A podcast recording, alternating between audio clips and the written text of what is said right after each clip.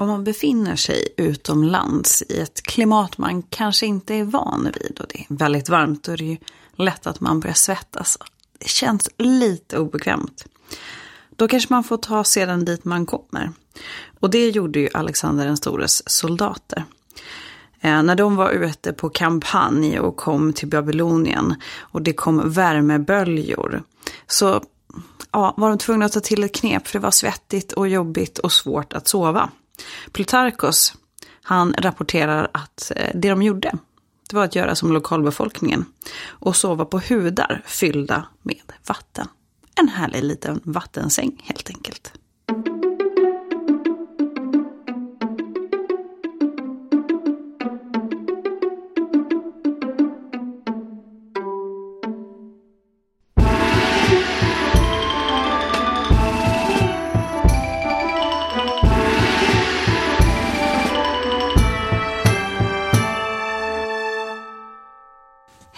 Och välkomna till Podius Castus, en podd om antiken.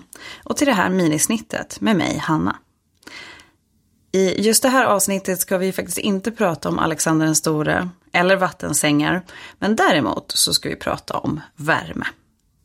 När det här avsnittet sänds så är det midsommarhelg och de flesta av oss har ju säkert firat in sommaren. Kanske hade vi fint väder, strålande sol och värme. Men Eh, troligen hade vi ju regn. Det var ju trots allt midsommar i Sverige. Men en varm sommar, det är något som många önskar sig. Och har vi tur så får vi vad vi önskar. Kanske inte riktigt fullt så varmt som väl värmeböljan 2018. Men om det nu skulle bli så, det blir jättevarmt, då kanske man måste ta till några knep. Så idag, då ska vi gå igenom hur man håller sig sval som en äkta romare. Och det första och kanske mest självklara rådet är ju såklart att bada. Som romare så gick man ju till badhuset om man ville plaska runt lite. Badhusen i Rom öppnade vanligtvis runt lunchtid och höll öppet till skymningen. De var tillgängliga för alla, både de rika och de fattiga. De rika kunde ju ha privata badhus i sina semestervillor, men de fattiga hade ju inte den lyxen. Kostnaden var faktiskt låg, så de flesta kunde besöka de här badhusen. Vissa dagar var det faktiskt till och med gratis. Ofta talar man ju om de stora magnifika badanläggningarna som till exempel Caracallas termer. Som var inom. Eh, men det finns också mindre, ska man kalla dem kvartersbad, som också var väldigt populära. Just i det här sammanhanget så ska vi prata om en viss del i badhuset och jag kommer ju rekommendera kallbadet.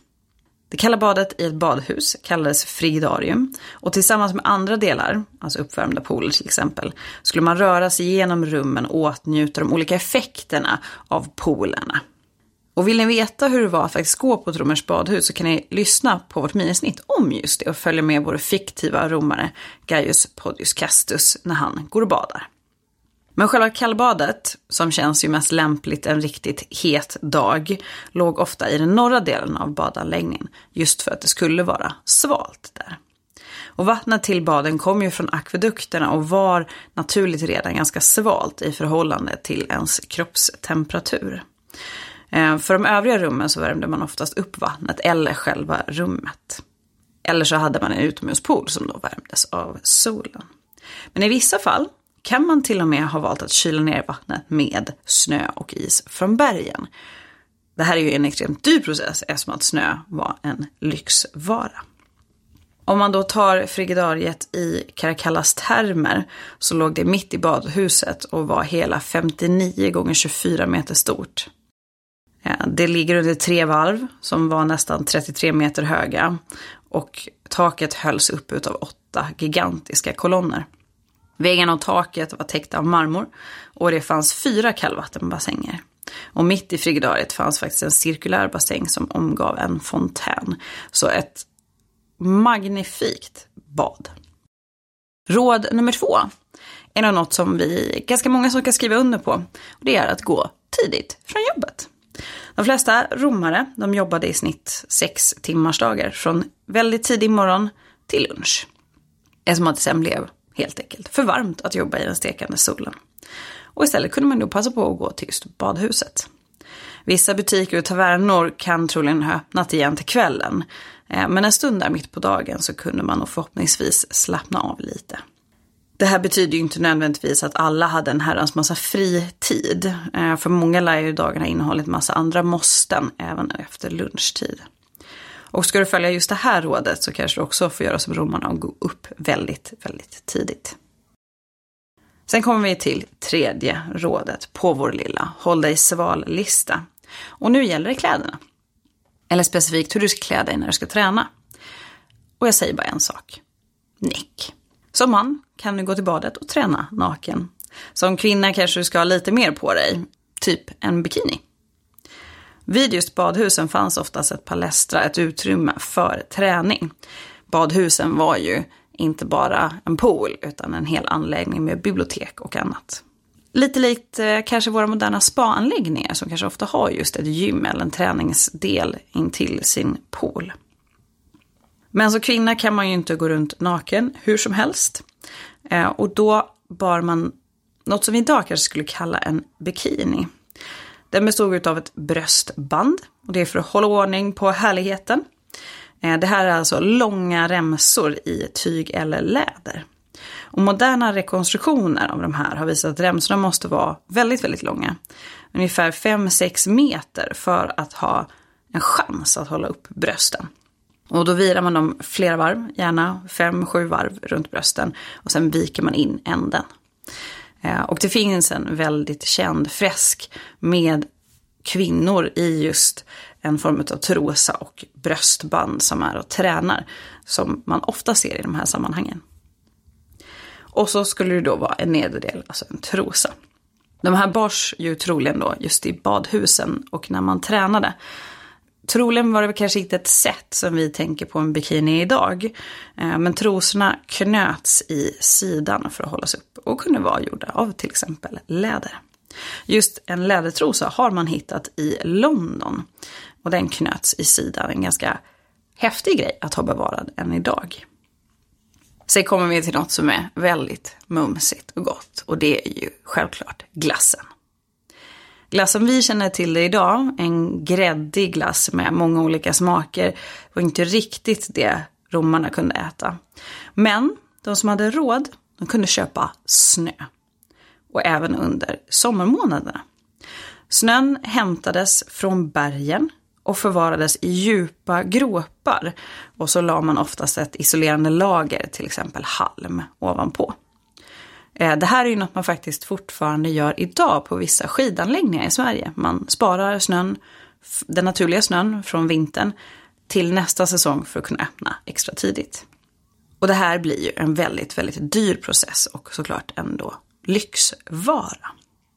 Och längst ner i de här groparna där man förvarar snön så packas den ju ihop och bildar is. Om man inte redan hade hämtat is från bergen. Och det här var ju det lyxiga av det lyxiga. Och den här isen och snön kunde man blanda med till exempel mosad frukt och söta med honung. Typ som en sorbet. Men det gällde ju att man fick tag på bra snö. För den som var lättast att komma åt, alltså längst ner vid bergen, var också minst hygienisk. Och det hade man ju koll på och något man kanske var lite orolig för. Så det gäller att ha råd att köpa bra is från en bra isbutik. Sen kan man ju faktiskt också dra på luftkonditioneringen. Eller ja, idag kanske man kan det. Romarna hade ju inte vad vi idag kallar för AC. Men de var ju väldigt duktiga på arkitektur och smarta lösningar. Och genom en del olika knep så kunde de faktiskt hålla sina bostäder relativt svala under de varma sommarmånaderna. I alla fall, återigen, om man var rik. Ett sådant knep var ju att låta pumpa kallt vatten genom rör i väggarna för att kyla ner bostaden. Det här var ju bara de väldigt rika som hade råd med detta. Så ingenting vanliga folket kunde göra. Ett mer tillgängligt knep det var att hänga upp blöta tygstycken i fönster och dörröppningar. När de torkar och vattnet avdunstar blev inomhusluften lite mer behaglig. Och så till sist. Kanske ett råd som många av oss tänker satsa på just den här sommaren. Och det är helt enkelt att lämna stan för landet. Romarna lämnade gärna den stekande hettan som blev ännu mer påtaglig och ännu mer outhärdlig i den trånga staden för sina stora villor på landet. Och då pratar vi inte om en liten röd stuga med vita knutar, utan de rikas landegendomar var så stora anläggningar. Ibland var de fullt utrustade med egna bad, egna träningsanläggningar, rinnande vatten och med mera. Så det var verkligen en lyxföreteelse. Eh, man pratade oftast om att hela Roms elit flyttade från huvudstaden ut på landet på just sommaren. En av de mest kända lyxvillorna är ju kejsare Hadrianus villa i Tivoli. Och den var i storlek av en mindre stad. Den består av ett 30-tal byggnader. Området är ungefär en kvadratkilometer stort. Det är alltså enormt.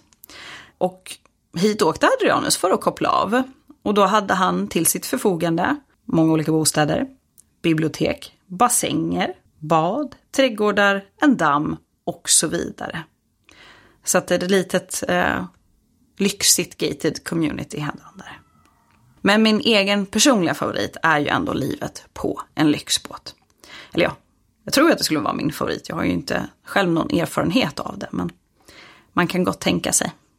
Och de flesta romarna lär ju inte heller ha haft erfarenheter här, men några få utvalda kunde faktiskt få hänga på lyxbåt. De så kallade Nemi-skeppen är en av mina absoluta favoriter av alla arkeologiska fynd och sajter. Men tyvärr också en väldigt tragisk historia. I Nemi-sjön, en vulkanisk kratersjö cirka 30 kilometer söder om Rom, hittades två stora romerska skepp. De mäter cirka, eller drygt 70 gånger 20 meter. Och de ska ha byggts runt år 40 efter vår tideräknare åt kejsare Caligula. Det här är alltså två helt enorma skepp. Och större skepp än vad man trodde att romarna faktiskt klarade av att bygga på den här tiden. Man började gräva fram dem och det gjorde man genom en sjösänkning 1929 till 1932. Man tappar helt enkelt bort vattnet. Men bara cirka tio år efter det här totalförstörs båda de här skeppen och mängderna av fynd av en brand som utbröt i samband med striden under andra världskriget 1944. Och de finns tyvärr inte kvar idag. Men det finns en del fynd och det finns tack och lov lite bilder. Men tänk vilka otroliga kunskapskällor det här hade varit. Men det vi vet, det var att det var två skepp, det ena lite större än det andra. Eh, på det större så man, fann man mängder av marmor, mosaikgolv, värmesystem och vattenledningar för bad. Och det ska även funnits en trädgård ombord. Tänk vilken schysst semester man hade kunnat haft på den båten. Och det här var faktiskt allt för mig idag på vårt lilla sommaravsnitt. Under sommaren så släpper vi avsnitt på Sommartema varannan vecka. Och sen är vi tillbaka med full fart igen som vanligt till hösten. Men för nu får jag önska er en trevlig sommar och på återhörande.